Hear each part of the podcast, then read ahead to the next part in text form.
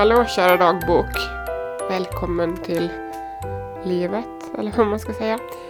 Det här är egentligen helt fel dag att börja på, för jag står i grovköket med tvättmaskin nummer tre, äh, barnspyor på både höger och vänster axel och känner just nu bara att det är det här mitt liv består av. Tvätt, spyor, laga mat, städa. Men det är väl det som de kallar livet, så det finns väl egentligen ingen bättre dag att starta på än idag. Så nu kör vi!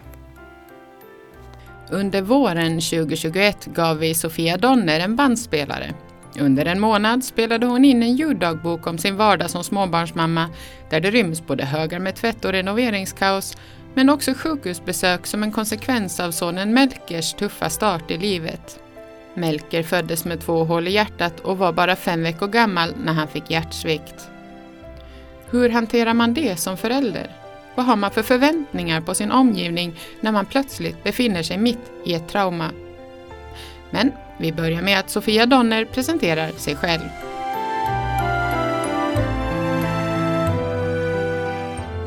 Jag heter Sofia, men kallas väl egentligen bara för Fia.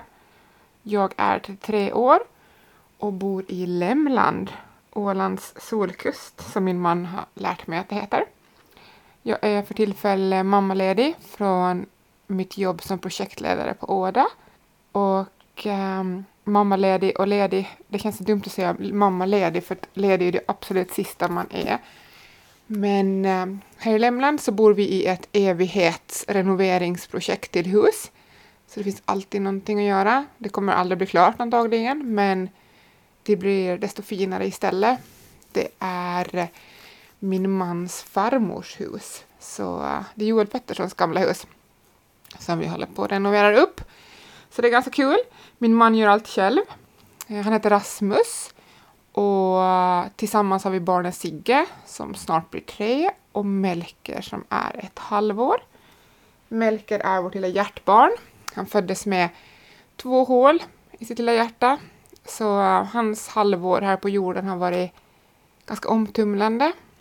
Vi har också en tax som heter Jutta som är eh, min man Rasmus stora jaktkompanjon. Och sen har vi härskaren av huset, vår main coon och ragdoll katt Bobber. Det är han som styr och ställer och bestämmer över oss alla. Klockan är, eh, ja, galet tidigt en söndag morgon. Skulle det här vara en Astrid Lindgren-saga så skulle tuppen inte ens vara galen nu. Och jag har just dukat fram frukost. Och så, medan jag stod och kokade äggen så tänkte jag, nej, så fort de här barnen blir tonåringar så ska jag börja dammsuga klockan fem varje söndag morgon. För att liksom ge igen. Och sen kom jag på att, men vem ger igen för då? Då ska jag passa på att sova. Men i alla fall, problemet med den här söndag morgon är att förutom att ha två småbarn som jag ska hålla vid liv tänkte jag säga, men som jag ska ta hand om, så har jag även startat det galna projektet med fröodling inför sommaren. Så nu har jag en, två, tre, fyra, fem, sex, sju, åtta, nio, tio, elva, tolv små kippor med olika sådder i. Det är allt från körsbärstomat till bifftomat till gurka och vattenmelon. Jag har ingen aning om varför jag kommer på att odla vattenmelon, men nu har jag gjort det. Och jag har heller ingen aning om varför jag har startat det här projektet, för att jag märker ju liksom att det blir bara ett stressmoment till. Jag förstår inte varför man gör så här i en liksom, småbarnsvardag. Då startar man liksom ännu mer projekt. Kära dagbok. Det är måndag morgon och eh, den här veckan startade verkligen på topp kan jag säga. Jag känner mig som årets mamma och eh, det är bara måndag klockan åtta ännu. Melker hade eh, blodprov tio i åtta. Um, det är jättebra det här med labben nu, att man kan boka tid själv. Varför jag bokade tio i åtta har jag däremot ingen aning om. Men nu gjorde jag det uh, på en måndag och måndagar och fredagar har jag Sigge hemma från dagis. Så nu ska vi alla iväg. Och nu tänker ni kanske att ja, men han är ju en tvååring, du är ju ändå uppe vid fem. Nja, vi har en tvååring som har ett lite mer så tonårsaktigt sömnschema. Han tycker om att sova helt enkelt, vilket vi är evigt tacksamma för. Men i vissa situationer så blir det lite knepigt, som när man ska iväg med två barn och vara på labben tio i åtta. Så det slutar helt enkelt med att Sigge fick äta ostbågar ur en skål till frukost i bilen. Det var liksom, det var det enda sättet att få honom att samarbeta. Och då kan ni tänka den här känslan när man sitter och kör i bilen. En gallskriker för att han har tappat nappen och en sitter och mumsar ostbågar ur en skål. Och klockan är halv åtta på en måndag morgon. Då känner man sig verkligen så att ja, jag är årets mamma. Men sen igen, alla var nöjda och glada. Blodprovet blev taget. Vi var hemma och eh, som kompensation då så fick jag för mitt eget samvetes skull så fick han både gröt och ägg som en andra frukost. Så det ordnade upp sig. Idag är det tisdag och Melker har fysioterapi. Melker föddes med två hål i sitt hjärta och eh, det första upptäcktes direkt när han föddes och det andra upptäcktes när han vid ungefär fem veckors ålder blev väldigt dålig och fick hjärtsvikt och vi fick flygas till Åbo eh, för några dagar på intensiven där. Och då bestämdes det i samma veva då att han behövde opereras, operera fast de här två hålen. Så eh, Melkers tre första månader i livet spenderade han på barnavdelningen här. Fick lite permission över dagarna och sådär men i det stora hela så var det sjukhus som gällde tills vi fick operationstid och den kom ganska snabbt. Han stod på, på någon sorts lista där, där det inte var akut men den kunde liksom inte planeras in heller om två månader så att vad jag förstod så hade vi någon sorts sån här avbokningstid, liksom när det blev en ledig lucka då så tog de Melker. Så när vi fick operationsdagen så gick det ganska snabbt och det var ganska mycket praktiskt som skulle lösas under den här tiden. Det, eh, vi fick ta med vår tvååring Sigge då till Helsingfors, vilket var helt fantastiskt. De ordnade boende på ett sånt här Ronald McDonald-hus som går ut på att Ronald McDonald-stiftelsen ordnar ett hus för familjer var, som bor på sjukhuset. Och du delar kök och vardagsrum och tvättstuga och bastu och sånt med alla andra familjer som bor där. Och så har du eget sovrum och badrum, som ett hotellrum ungefär, som du har som dig själv då, fast det är ett, ett, ett vanligt egnahemshus. Och det var helt fantastiskt att vi alla kunde åka, men det krävdes ju också ganska mycket så praktiska, praktiska saker, att bara stiga upp och sticka iväg. Jag tror att det var då, när vi skulle börja åka iväg, som man insåg vad de tre senaste månaderna hade gått ut på. Att liksom vilken pers vi egentligen hade varit med om. För att när du får ett barn som föds allvarligt sjukt och är i behov av mycket mediciner och mycket vård och kontroller och sådär så är det som att, att man bara man kopplar på autopilot. Eller man ska jag inte säga, jag kan absolut inte prata för alla andra men vi. Man, vi kopplar på autopilot och det är nog också mycket eftersom vi har Sigge också hemma så att med en tvååring så kan man inte bara stänga av och sätta sig vid en sjukhussäng och och bli där, utan man måste, man måste lösa hela livet runt omkring. Så vi pusslade och vi fixade och vi donade så att någon alltid kunde vara på sjukhuset, någon kunde vara med Sigge. Eh, dagis hjälpte till fantastiskt mycket. Han var där liksom lite extra än vad han egentligen hade tid och det var, det var helt fantastiskt. Men när vi skulle åka iväg så ja, då kom ju allt det här praktiska som skulle lösas med vem tar våra djur, huset, vi hade ingen aning om hur länge vi skulle vara borta, min mans jobb, Sigges dagis, eh, sjukpenningar, allt sånt här som skulle lösas och, och vem som skulle åka vad. För att Melker skulle flyga helikopter och sen Sigge och den andra föräldern då skulle ta båten. Och eftersom det är covid-tider så gick det ingen båt till Helsingfors. Så vi fick ta båten till Åbo och köra ner. Så vi bestämde ganska snabbt att Rasmus flyger med Melker till Helsingfors och jag och Sigge kommer med båt och bil efter. Och så säger Rasmus, medan vi höll på att fixa allt det här praktiska då, så säger han att eh, och så kommer du ihåg Melkers bilstol? Jag förstod ingenting, jag bara vadå, vadå? Han bara ja men att, att du ska ut och resa liksom utan barnet, att, att kom ändå ihåg hans stol, liksom fast barnet inte sitter i stolen.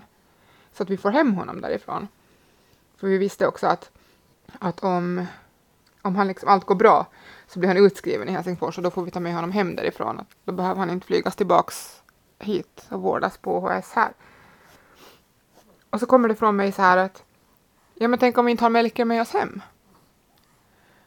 Och grejen är det att jag sa det ungefär som att jag frågade Rasmus att kommer du ihåg att köpa mjölk? I samma tonläge, med samma engagemang i rösten och jag märkte hur han, han bara stelnade till och var vad var det du sa?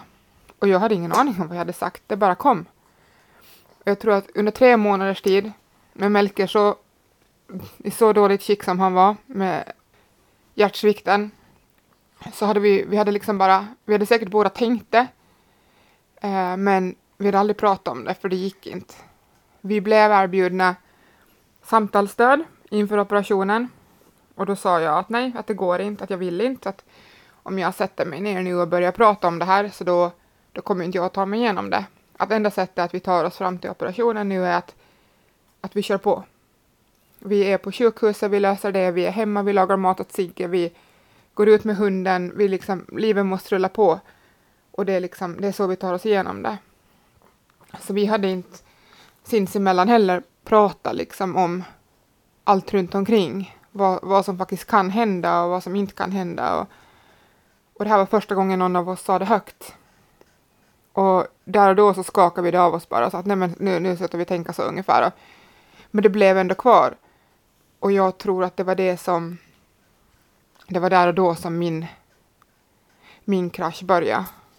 För sen när vi tog oss till Helsingfors så hade jag inte alls det här samma, det här blir bra, det ordnar sig, utan så fort vi åkte till Helsingfors så kände jag bara att jag kan inte andas, jag får inte luft, det, det går inte, liksom, det är för mycket. Och jag försökte, eftersom man nu i covid-tider har ansiktsmaskerna på sig hela tiden på sjukhuset och så. För jag tänkte, jag tänkte liksom att det var det, att jag kan inte andas i masken, men jag visste ju att jag kunde inte andas utanför sjukhuset heller, för det är ändå någonting som, hur, hur mycket man än fixar och hur mycket man än donar och hur stark man än är, så är det någonting som går sönder inombords när du har ett barn som är så sjukt och när du har en så liten bebis, eller spelar ingen roll ålder, när du har ett barn uh, som du vet att de ska rulla iväg, söva ner, öppna upp bröstkorgen och stanna hjärta på. Det går inte att ta in det utan att gå sönder.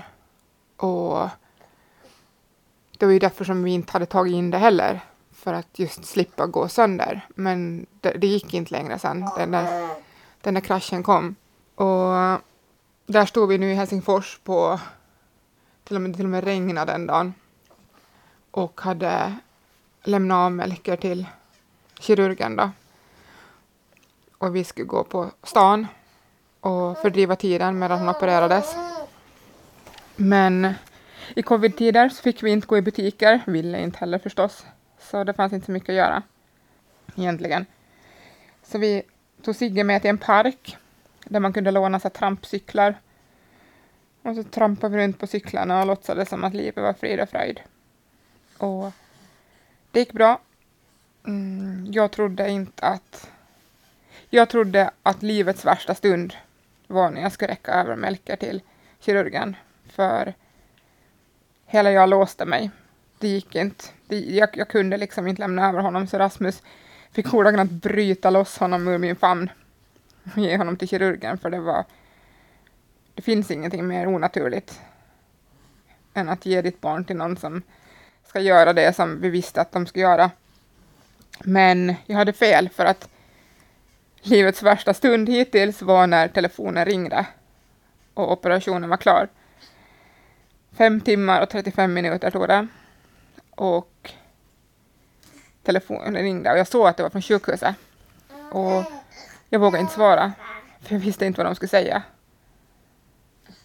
Det var där och det var liksom, jag visste inte hur jag visste inte hur jag skulle klara av att höra vad, att det inte hade gått bra.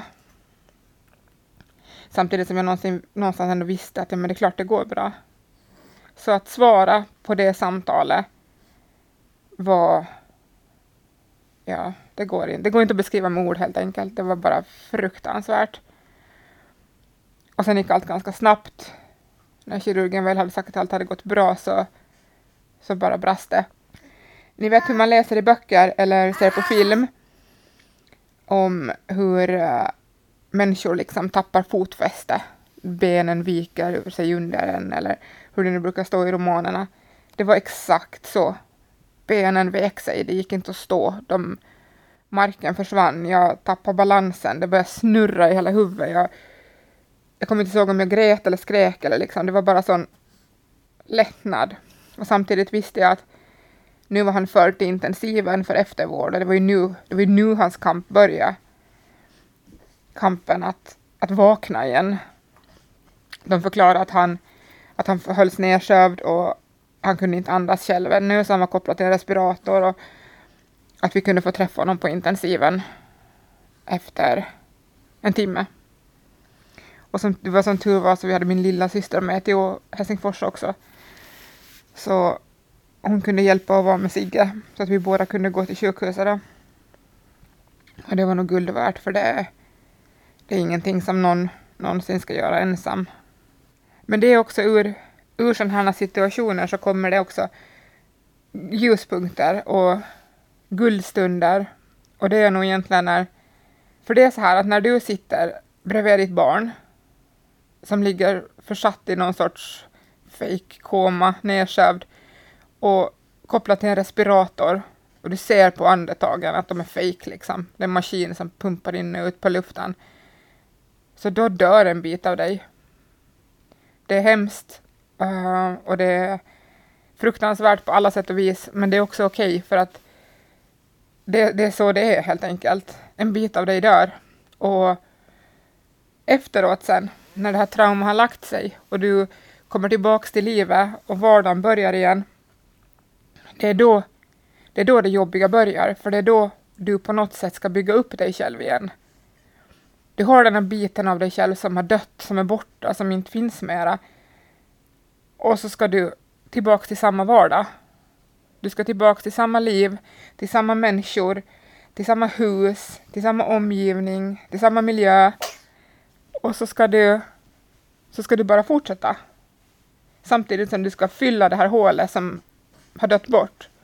Och jag förstår nu varför så många separerar efter någonting sånt här. För att om en liten bit av båda går och dör och det ska fyllas med någonting nytt så är ju risken stor att det fylls med någonting som inte, som inte var där från första början. Och då, då kanske man inte går ihop igen efter det. Man är ju inte samma personer. Och där är, där är min guldkant i hela den här i hela den, här, hela den här upplevelsen för att jag är så stolt över mig och min man för hur vi har tagit oss igenom det här, för att vi har varit ett team hela vägen. Hur trasiga vi än har varit, hur ledsna, oroliga och rädda vi än har varit, så har vi längs hela vägen stått bredvid varandra. Aldrig släppt taget om varandra, aldrig... Fast den ena har varit mer ledsen än den andra så har vi ändå alltid frågat hur mår du, hur känns det? Och jag tror att den bit av mig som dog, där kom en ny bit av mig som älskar min man mer än vad jag gjorde innan det här.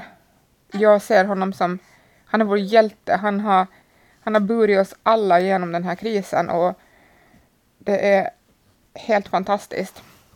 Och det visar också värde i att alltid ha rätt människor vid sin sida. För eh, det är typ det viktigaste som finns.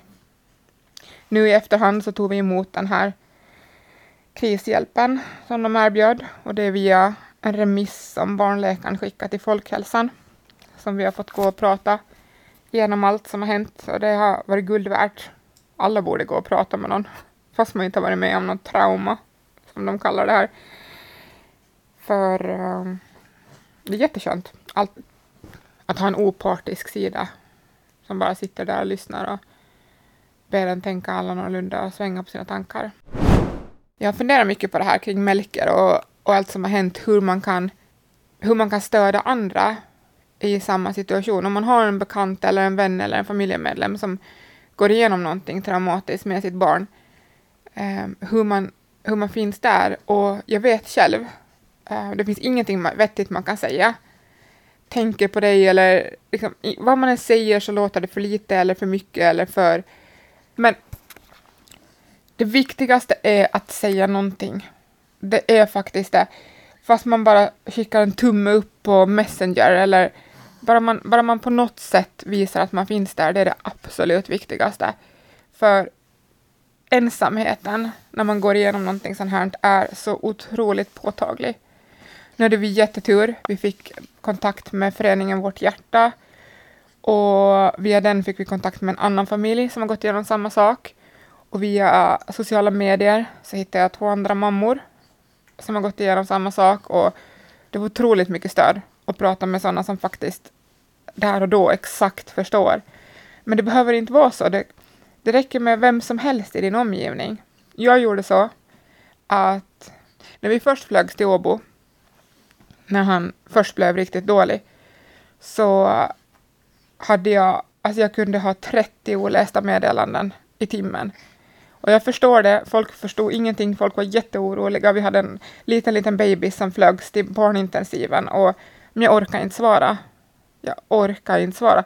Så jag ringde Rasmus och grät och sa att snälla, kan du ta kontakt med de här människorna, för jag orkar inte, jag orkar inte. Efter några dagar så la sig det här och jag kände att jag måste kunna kommunicera ut, så jag gjorde faktiskt så. Jag har haft en låst Instagram väldigt länge, men jag gick igenom min Instagram och jag tog bort, jag tog bort säkert 200 personer därifrån som, som jag egentligen inte känner och gamla avlägsna kollegor och bekanta som jag inte har pratat med på fem år. Och, men sådana som jag helt enkelt känner att inte egentligen behöver ha så mycket att göra med mitt liv och behöll en, en, en liten sluten krets då, som jag ändå känner att är okej. Okay. Och så började jag uppdatera på Instagram. Och det blev en helt fantastisk terapi för mig. Samtidigt få skriva ner mina tankar och känslor och samtidigt fick jag ut informationen utan att behöva kontakta var och en och ändå känna att alla, alla som finns runt omkring oss fick vara delaktiga och fick vara med i vad som hände. Men där och då insåg jag också att hur det var det var den absolut största responsen vi fick från andra var att jag vet inte vad jag ska säga och det är, det är helt okej, okay. man behöver inte säga någonting. Bara man, det räcker att man bara finns. Det räcker med att, även fast man tänker att sociala medier inte är det riktiga livet, så här, men det är det ändå. Och att sätta ett hjärta som en kommentar, det visar, att, det visar att du tänker på dem och det visar att du finns där. Eller att gilla bilden eller... Det är viktigt. Det är jätte, jätteviktigt att man bara visar. Och jag tror att många tar det för givet. Men vi, vi pratar ganska mycket om det här efteråt och inser att vi, vi kommer inte bara ut liksom som, som nya människor från den här upplevelsen, utan vi har också fått en massa nya människor. Jag, under de här tiden som Melker var som sjukast, så har jag kommit människor nära som jag aldrig skulle ha gjort annars och människor som man trodde att man stod nära som, som, ja, men som knappt hört av sig. Och då liksom istället så blev, det, så blev avstånden mycket, mycket längre. Vet du vad typ någonting av det värsta jag vet med att vara förälder är? Nej, kanske inte värsta. Nej, jag vet inte. Men det kommer i alla fall på en utelista. Och det är att storhandla. Eller jag tycker det är jätteroligt att åka och storhandla och planera veckans mat och plocka ner i korgen och plocka små överraskningar åt familjen och godsaker och sådär. Men sen när man kommer hem med fem, sex kassar med mat, blöjor, ersättning, barnmat, kattmat, hundmat och så ska allt det här redas upp. Jag har försökt handla sent på kvällarna. Mm, Medan Rasmus tar nattningen och sådär. Så bär man in de här 5, 6, 8, 12, 515 kassarna i köket, ställer ner dem på golvet. Och så brukar jag sätta mig på en stol. Och så blir jag där. På något sätt önskar jag, jag sitter och försöker så här teleportera kanske det inte heter, men att kassarna ska få magiska krafter som i en Disney-film och varorna ska hoppa till, till en vacker låt eller en vacker musik så här, så hoppar varorna in i kylskåpet och in på hyllorna, allt dit det ska. Men det funkar aldrig. Dag 262 i fångenskap. Okej, okay, kanske inte riktigt, men det känns så. Vi har haft sjukstuga deluxe. Båda barnen krokna samtidigt med flunsa, feber, öronvärk har Sigge klagat på. Och alla med småbarn vet att det betyder i princip noll sömn eller väldigt oroliga nätter. Och ändå ganska påfrestande dagar fast vi har inte gjort så mycket mer än att lägga i soffan och sett på film. Men man är ändå på sin vakt hela tiden och försöker passa på att få i dem vätska, få i dem mat fast de matvägrar och torkar snor och... Men det, det började upp sig nu. Idag tänkte jag att nu ska vi vara på gång, idag ska vi gå ut och komma igång igen och då är det ju antarktisk storm istället. Så nu har jag en snart treåring som ordagrant, ordagrant klättrar på väggarna. Han når snart taket. Och en halvårsbaby som sitter i babysitten och gapskrattar åt det här spektaklet, vilket gör att storebror blir ännu mer äggad och ännu mer igång när han märker att han har en publik som uppskattar showen. Jag räknar sekunderna tills min man kommer hem från jobb. Eh, det är trots allt fredag. Så eh, jag tänkte säga att när han kommer hem från jobb idag så då går jag på ledigt. Och sen får han köra det här, styra det här käppet fram till måndag när han ska på jobb igen. För uh, den här mamman behöver en liten paus nu. Okej, okay, kära dagbok. Här kommer... Um, nu skulle egentligen behövas en sån här trumvirvel. Och förstås så vaknar bebisen. Oj. Nytt försök om en liten stund igen. Det här är helt fantastiskt. Det är nämligen så att vi har fått reda på att jag är gravid igen. Jag skrattar när jag säger det här nu, men det har varit allt annat än roligt.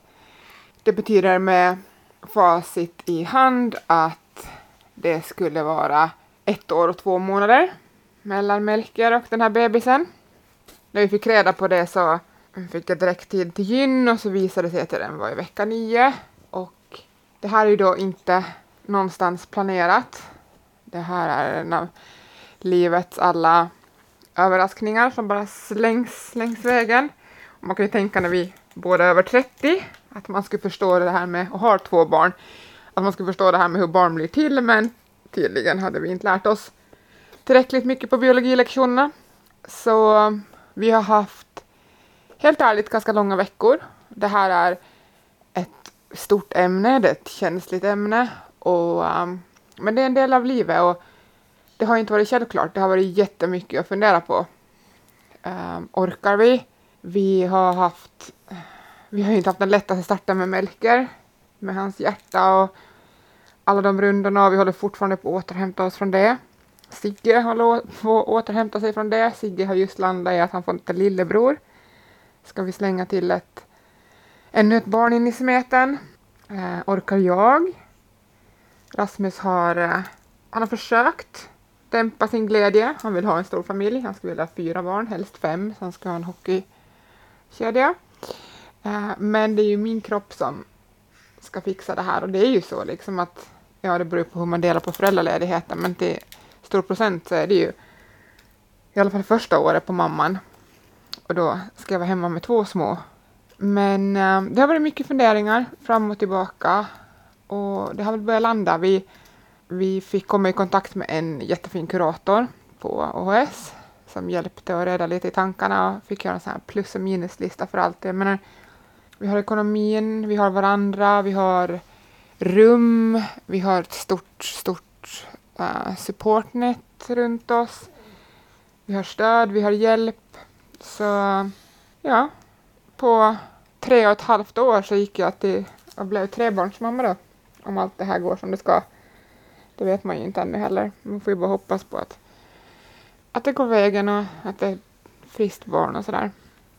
Men det, det, det är inte alltid självklarhet. Och liksom, och allt som rör graviditeter och sånt, det är inte alltid rosenrött och vackra bilder på Instagram i, med en perfekt rund mage i vita spetsunderkläder taget framför en, en skimrande gardin i en solnedgång. Utan det är, det är mycket det är blod, svett och tårar på många sätt. Och jag vet att vi har inte på något sätt varit hemliga med att vi hade väldigt många missfall innan vi blev gravida med Sigge. Och det har också legat till grund i det här beslutet att, att behålla det här barnet för att jag, jag kan inte liksom rättfärdiga att sörja, sörja missfallen och sen ta ett, ett sånt stort beslut. Liksom att, så ja, nu ska vi leva med det här då. Nu har jag en sju månaders, eh, just nu gravid i vecka 10. mår jättedåligt varje dag, jättetrött Har en som blir tre år nästa vecka och som trotsar nog nog dagligen. Och ska vi få ihop den här vardagen också? Hallå! Solen skiner och det är en vacker, vacker vårdag där ute, men klockan är snart ett och jag har fortfarande inte kommit utanför dörren. Melker har sovit i vagnen inne i grovköket, för jag inte orkar klä på honom heller, så han har haft blöja på hela förmiddagen, hela lunchen. Och jag har legat och kollat på serier och ätit kokosbollar till lunch. Man känner sig riktigt på topp sådana här dagar, men man måste väl helt enkelt få ha de dagarna och låtsas som att det inte finns ungefär tre maskiner rent tvätt att vika. Eller två maskiner smutsig tvätt som borde tvättas. Eller naglar som ska klippas. Till och med hundens klor borde klippas. Idag är en sån här dag som jag känner att jag bara inte vet hur man får ihop det. Vi har haft Melker har haft läkarbesök, kontroll av sitt hjärta. Um, sen har vi varit på fysioterapi med honom. Vi har testat att gå privat uh, och testa en liten annan sorts metod för att hjälpa honom komma igång med sin lilla kropp lite. Sen har jag och Rasmus varit på familjeterapi. Men det här var liksom tre, tre saker idag. Och snart ska, precis snart ska Sigge hämtas från dagis och jag är helt slut. Min hjärna fungerar inte. Det är nästan så här vet, som man sitter och bara stirrar rakt in i en vägg och dreglar samtidigt. Och jag förstår inte, nu kommer inte jag ihåg mer, hur, hur klarar man att vara på jobb? Hur klarar jag liksom en arbetsdag som ofta var typ 8 till 5 med möten konstant och en snabb lunch i bilen? Och man var alltid liksom på topp, man var alltid game, man hade koll på alla möten, man hade koll på precis vad som skulle hända före, vad som skulle hända efter. Och nu har man tre inbokade saker på en dag om liksom hjärnan fungerar inte. Okej, jag kanske sov lite mer då också, det kanske har en ganska stor betydelse egentligen, men ändå hur snabbt man glömmer. När jag var hemma med Sigge så längtade jag alltid, hela tiden så längtade jag tillbaka på jobb. Och jag älskar att vara hemma med honom, men jag kände alltid att jag behövde, jag behövde få någonting mer, jag behövde få vara någonting mer än bara mamma. Och jag älskar den jag är i min arbetsroll. Men nu när jag är hemma med Melker och, och Sigge då, ändå liksom största delen av veckan, så känner jag mer bara att nej, jag kommer aldrig mer att kunna jobba. Min hjärna har förmultnat. När vi fick reda på att vi skulle få ett tredje barn så var en av mina första tankar när vi hade liksom gått igenom det här med barnen och allting att hur, hur kommer det här att påverka mig och Rasmus? Kommer vi någonsin igen att ha tid för varandra? Eller kommer det bli liksom bara en dimma nu av småbarn och allt vad det innebär och sen glömmer vi bort varandra? Men jag tror vi pratar ganska mycket om det här och jag blev väldigt lugn för att jag är ändå väldigt stolt över oss. Och det är en av orsakerna också till att jag känner att vi kommer att klara av det här nya bebisen är för att jag är helt enkelt stolt över oss som ett team. Vi är ett jättebra team, vi fungerar väldigt bra ihop, vi har väldigt, vi har väldigt liknande värderingar. Och jag tror att det är jätteviktigt i småbarnsåren att man påminner sig om det här att man hyllar varandra, att man lyfter varandra och att man alltid ser varandra. För det är ju så, barnen är ju det viktigaste och deras behov kommer först och ska komma först. Men det betyder ju inte att man som partner och som vuxen individ, um, som älskare, som vän, också har behov. Och uh, jag tycker att det är lite tabu över det där, att lyfta det. Att våga sätta sin partner på samma pedestal som man sätter barnen, för det är också en en relation. Och jag tänker så här att, att det är en väldigt kort period av livet ändå som barnen bor hemma och som de är en del av vardagen och som deras behov ska läggas in i vardagspusslet.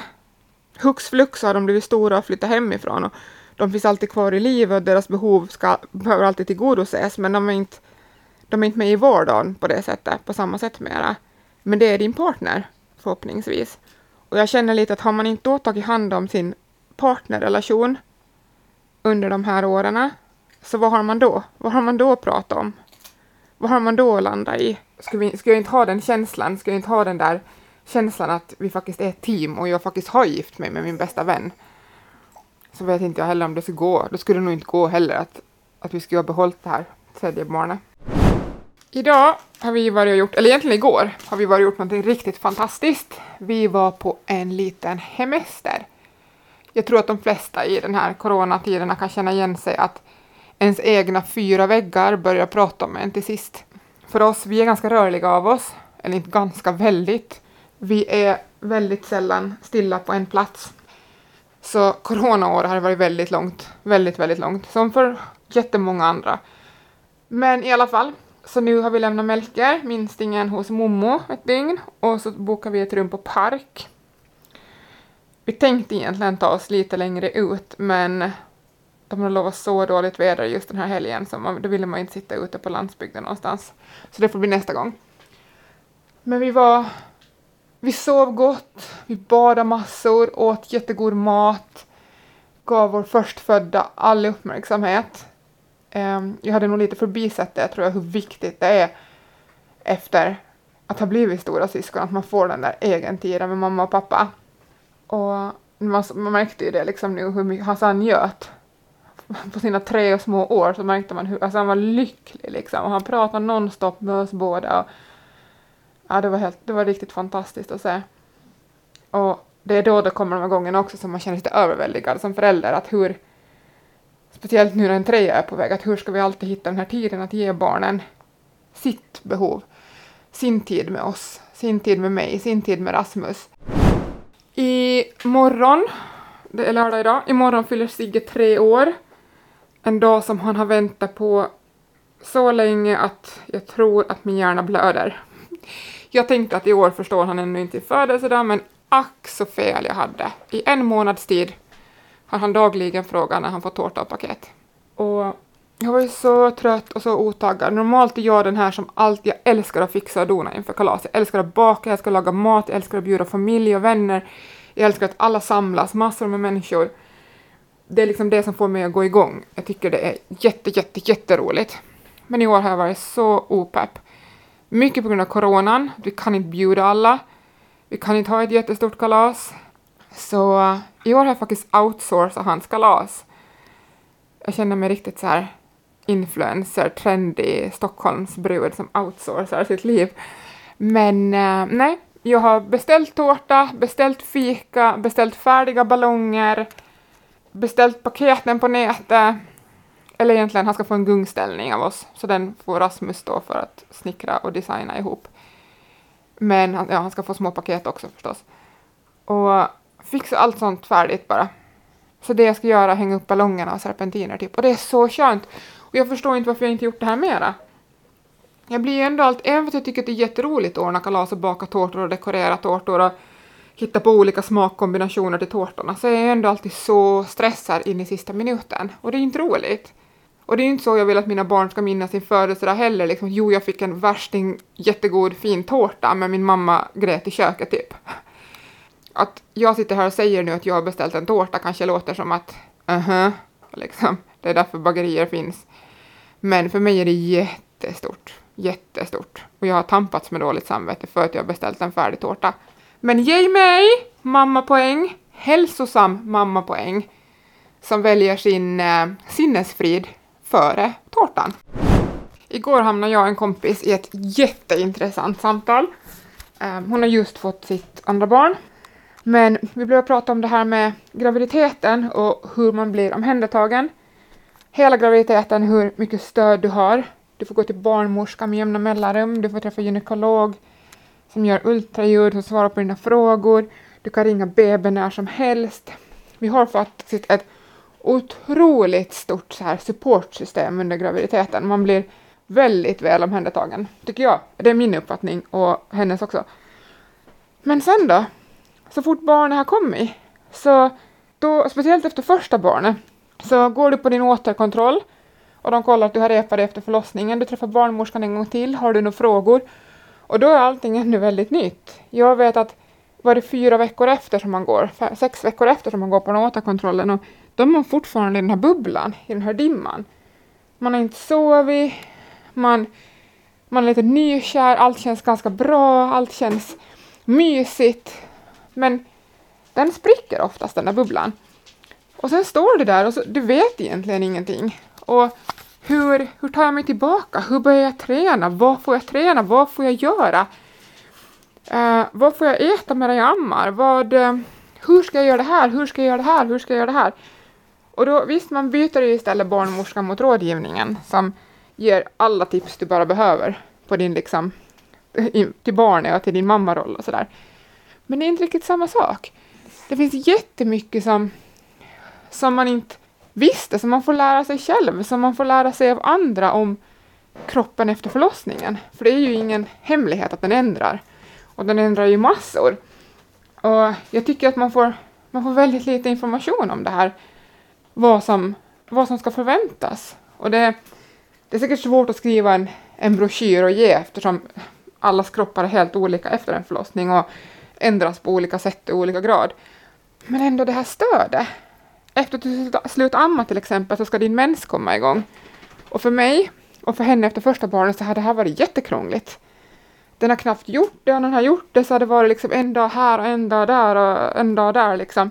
Och då ringde jag gyn och för att boka en tid till en läkare för att få hjälp med det här. Är det här normalt? Nej, men då hör ingen man, man till gyn mera. Utan då måste man gå via hälsocentralen för att träffa en läkare som vet ingenting om mens, som skickar dig vidare till gyn. Och det, allt det här tar tre månader. Och då har du hunnit liksom ha panik över att det inte liksom är som det brukar, eller är som det var förut. Och då blir man liksom funderat hur, hur ensam man egentligen blir. Att det är liksom bara, ja nu har du fått ditt barn, tack, här, det kommer gå jättebra, lycka till. Vi ses om du blir gravid igen. Borde finnas någon sorts forum eller någon sorts plats, eh, någon sorts här klinik eller någonting där du alltid skulle vara välkommen efter att du har fått barn. Eller kanske första året. Säg första året efter att du har fått barn, för det är då allting börjar, liksom, kommer igång. Det är då allting händer det första året. Som du alltid skulle vara välkommen till att boka tid. Liksom. Enkelt och smidigt, utan remisser. För att få hjälp och för att få stöd. Och ibland bara räcker det med ett två minuters telefonsamtal för att få svar på en fråga. Är det här normalt inom situationstecken? Jag vet inte. Kanske ska byta bana i livet, öppna en sån klinik. Undrar om det finns fler som skulle vilja joina mig. Hör av er i så fall. Idag har Melker varit på sin fysioterapi.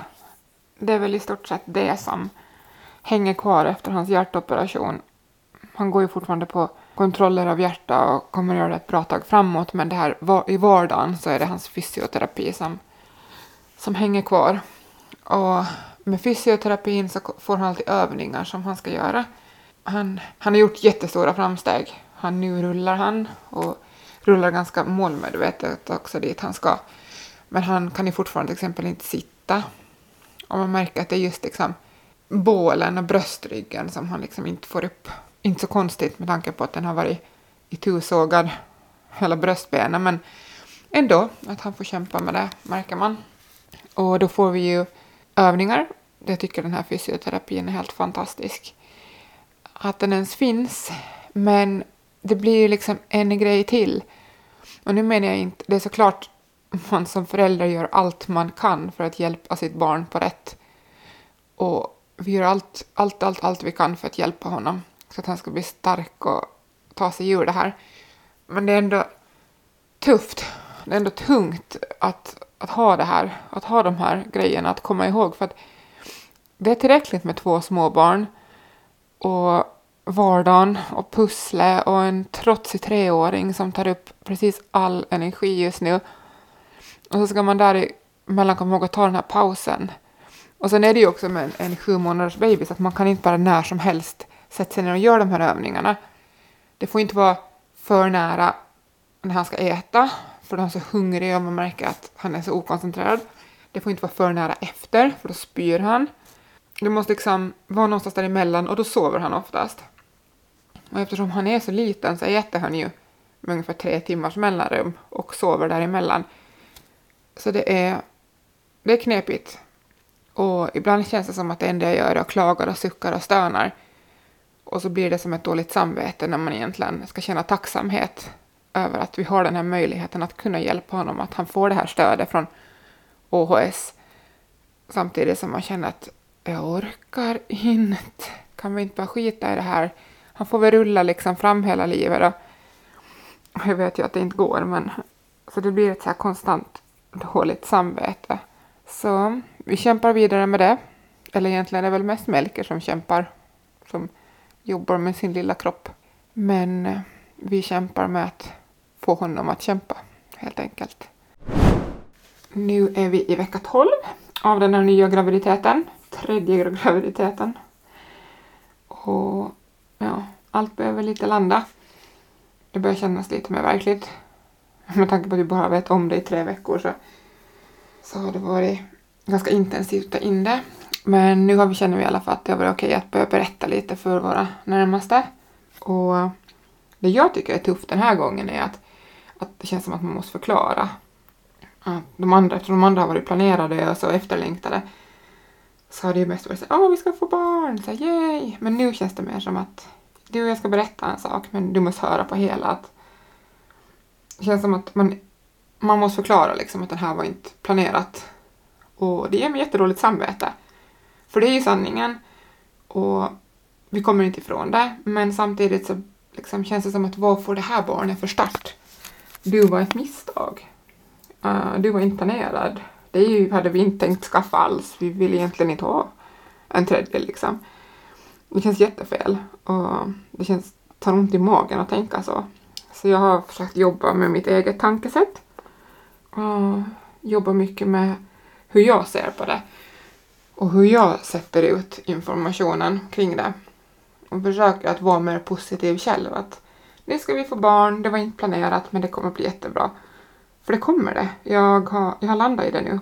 Rasmus har ju varit säker från första början att det kommer bli helt fantastiskt. Det är jag som har behövt den här tiden att landa i det. Men det är ju ändå, det är ändå bara mer kärlek till oss. Och vad kan, liksom, vad kan vara fel i det? Ni får gärna upprepa de meningarna till mig sen om ett år när ni ser mig grå och blek och som ungefär vålnaden, inte ens ett spöke utan vålnaden av ett spöke som irrar runt på S-market bland hyllorna. Så kan ni påpeka, ja, men det är extra kärlek i livet. Det kommer jag säkert uppskatta. Klockan är kvart över åtta och det är fredag. Oh, nej men nu ljög jag, det är torsdag. Jag trodde det var fredag idag, det är torsdag. Se, jag är inte, jag alltså, är inte med någonstans. Och Rasmus har nappningen och killarna på övre våningen.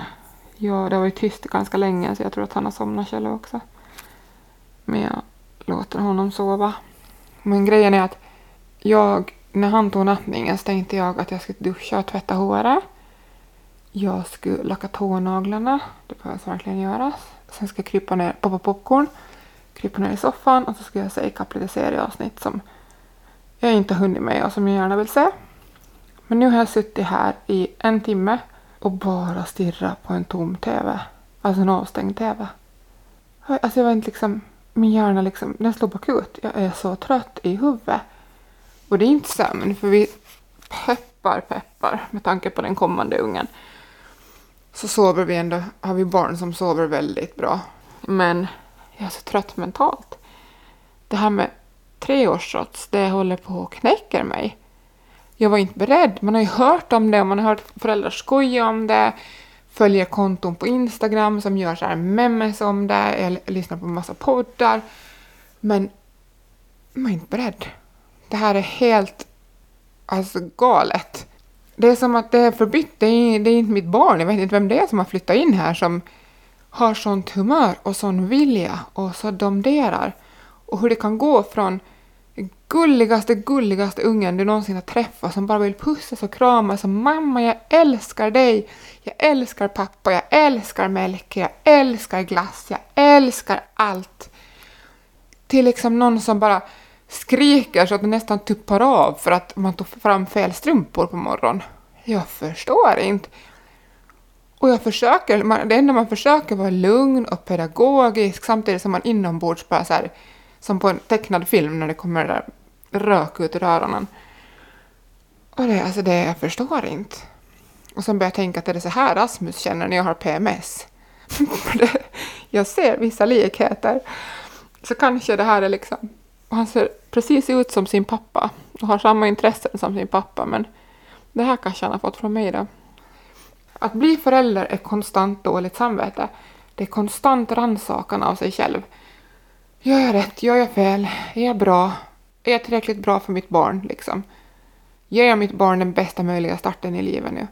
Efter det här med Melker, när vi fick gå i den här terapin, så var det en klok kvinna som sa till mig, bara att man sitter, spenderar tiden med att analysera att man är tillräckligt bra för sitt barn, så visar på att man är mer än tillräckligt bra för sitt barn. Och jag försöker leva efter det. Men det är svårt. Det är jätte, jättesvårt. Jag kan säga så här. Mm, man vet att man är småbarnsförälder när man börjar gråta för att diskmaskinen går sönder. Och nu var det faktiskt sån tur att den var inte sönder. Det var någon slang som hade blivit lite lös och det läckte vatten på sidan om den. Så när den var åtskruvad så problemet löst. Men i ungefär 35 minuter så trodde jag att diskmaskinen var sönder.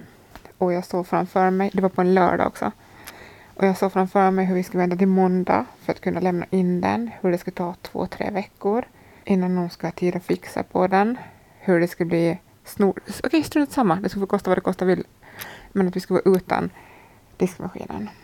Eller att de skulle måste skicka efter någon del till ett litet bortglömt hörn i Japan som skulle ta ungefär 69 veckor att komma. Det här hann jag på de här 35 minuterna spinna upp i mitt huvud samtidigt som jag grät.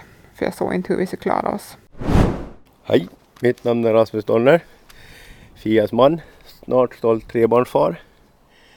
Det jag har lärt mig av småbarnslivet är att när man far på jobb får man nästan ledig tid tänkte jag säga. För det största jobbet och viktigaste jobbet är att eh, vägleda och se till att ens barn får en bra uppväxt, bra värderingar. Det viktigaste är att de har det bra. Det absolut roligaste är när man kommer hem från sitt innan, citat dagjobb så vet man att det står en treåring bakom gardinen till dörren hoppar fram och ropar bu när man öppnar dörren. Och konstigt då är det väldigt många gånger som man ändå glömmer bort och blir lika skrämd varje gång. Och lika glad också för att han är så busig och rolig. Vi hade en lite speciell höst här med mellanpojken som föddes med hjärtproblem och vi fick flyga i tur och ordning med helikopter tills allt var bra men det gör ju en också att man, man blir att värdera livet på ett annat sätt. Liksom ser till den stora bilden, inte de små sakerna. Det är ett fantastiskt liv att leva i alla fall. Det är sömlöst, håret trillar av men när man ser pojken då ta första segern på balanscykeln till exempel så är det värt alla hårstrån som trillar bort av flinten som har kommit fram. det är ett fantastiskt liv att leva. Tiden med det här lilla projektet börjar ta slut. Det är dags att återlämna den här lilla bandspelaren som har följt mig här nu och varit min lilla dagbokskompis. Och eh, jag vet egentligen inte hur man avslutar.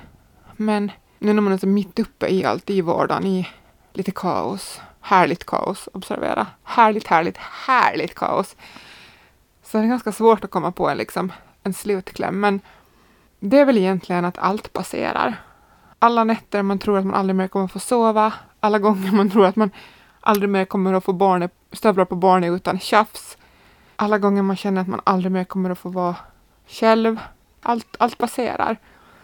Och jag tror faktiskt att det är en jättestor klyscha som man får höra tusentals gånger när man blir förälder, att ta vara på tiden. Men det är faktiskt så. Ta vara på varje liten sekund. För jag läste en grej på sociala medier en gång att en gång kommer att vara den sista gången ditt barn sitter i ditt knä. Och då blev jag jätteberörd. Jätte, jätteberörd. För det är så. En gång när ditt barn sitter i ditt knä, fast du tycker att barnet alltid sitter där och du aldrig får vara själv. Så en gång kommer att vara den sista. Sen mitt i allt så slutar de krypa upp i famnen. Så ta vara på tiden. Och tack för att jag har fått babbla av mig. Det har varit faktiskt lite av ett terapiarbete.